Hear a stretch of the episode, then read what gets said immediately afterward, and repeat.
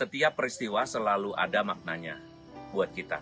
Di awal tahun baru ini, kita selain bergembira karena memasuki tahun yang baru, kita juga mengalami situasi bencana banjir. Tetapi saudara-saudariku yang terkasih, terutama Anda yang mengalami kebanjiran, tidak perlu takut dan tidak perlu menghubung-hubungkan peristiwa ini dengan situasi sepanjang tahun yang akan datang. Situasi sepanjang tahun itu ditentukan oleh bagaimana perasaan kita, bagaimana optimisme kita, dan bagaimana iman kita. Kita percaya bahwa apa yang Tuhan buat adalah rencana-rencana yang baik.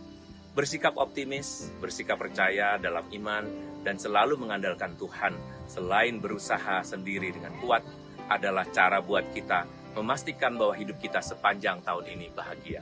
Semoga Tuhan memberkati kita dan saya percaya, saya berdoa untuk Anda yang masih berjuang, mungkin sekarang membersihkan rumah atau berjuang untuk mengembalikan situasi rumah menjadi lebih baik lagi.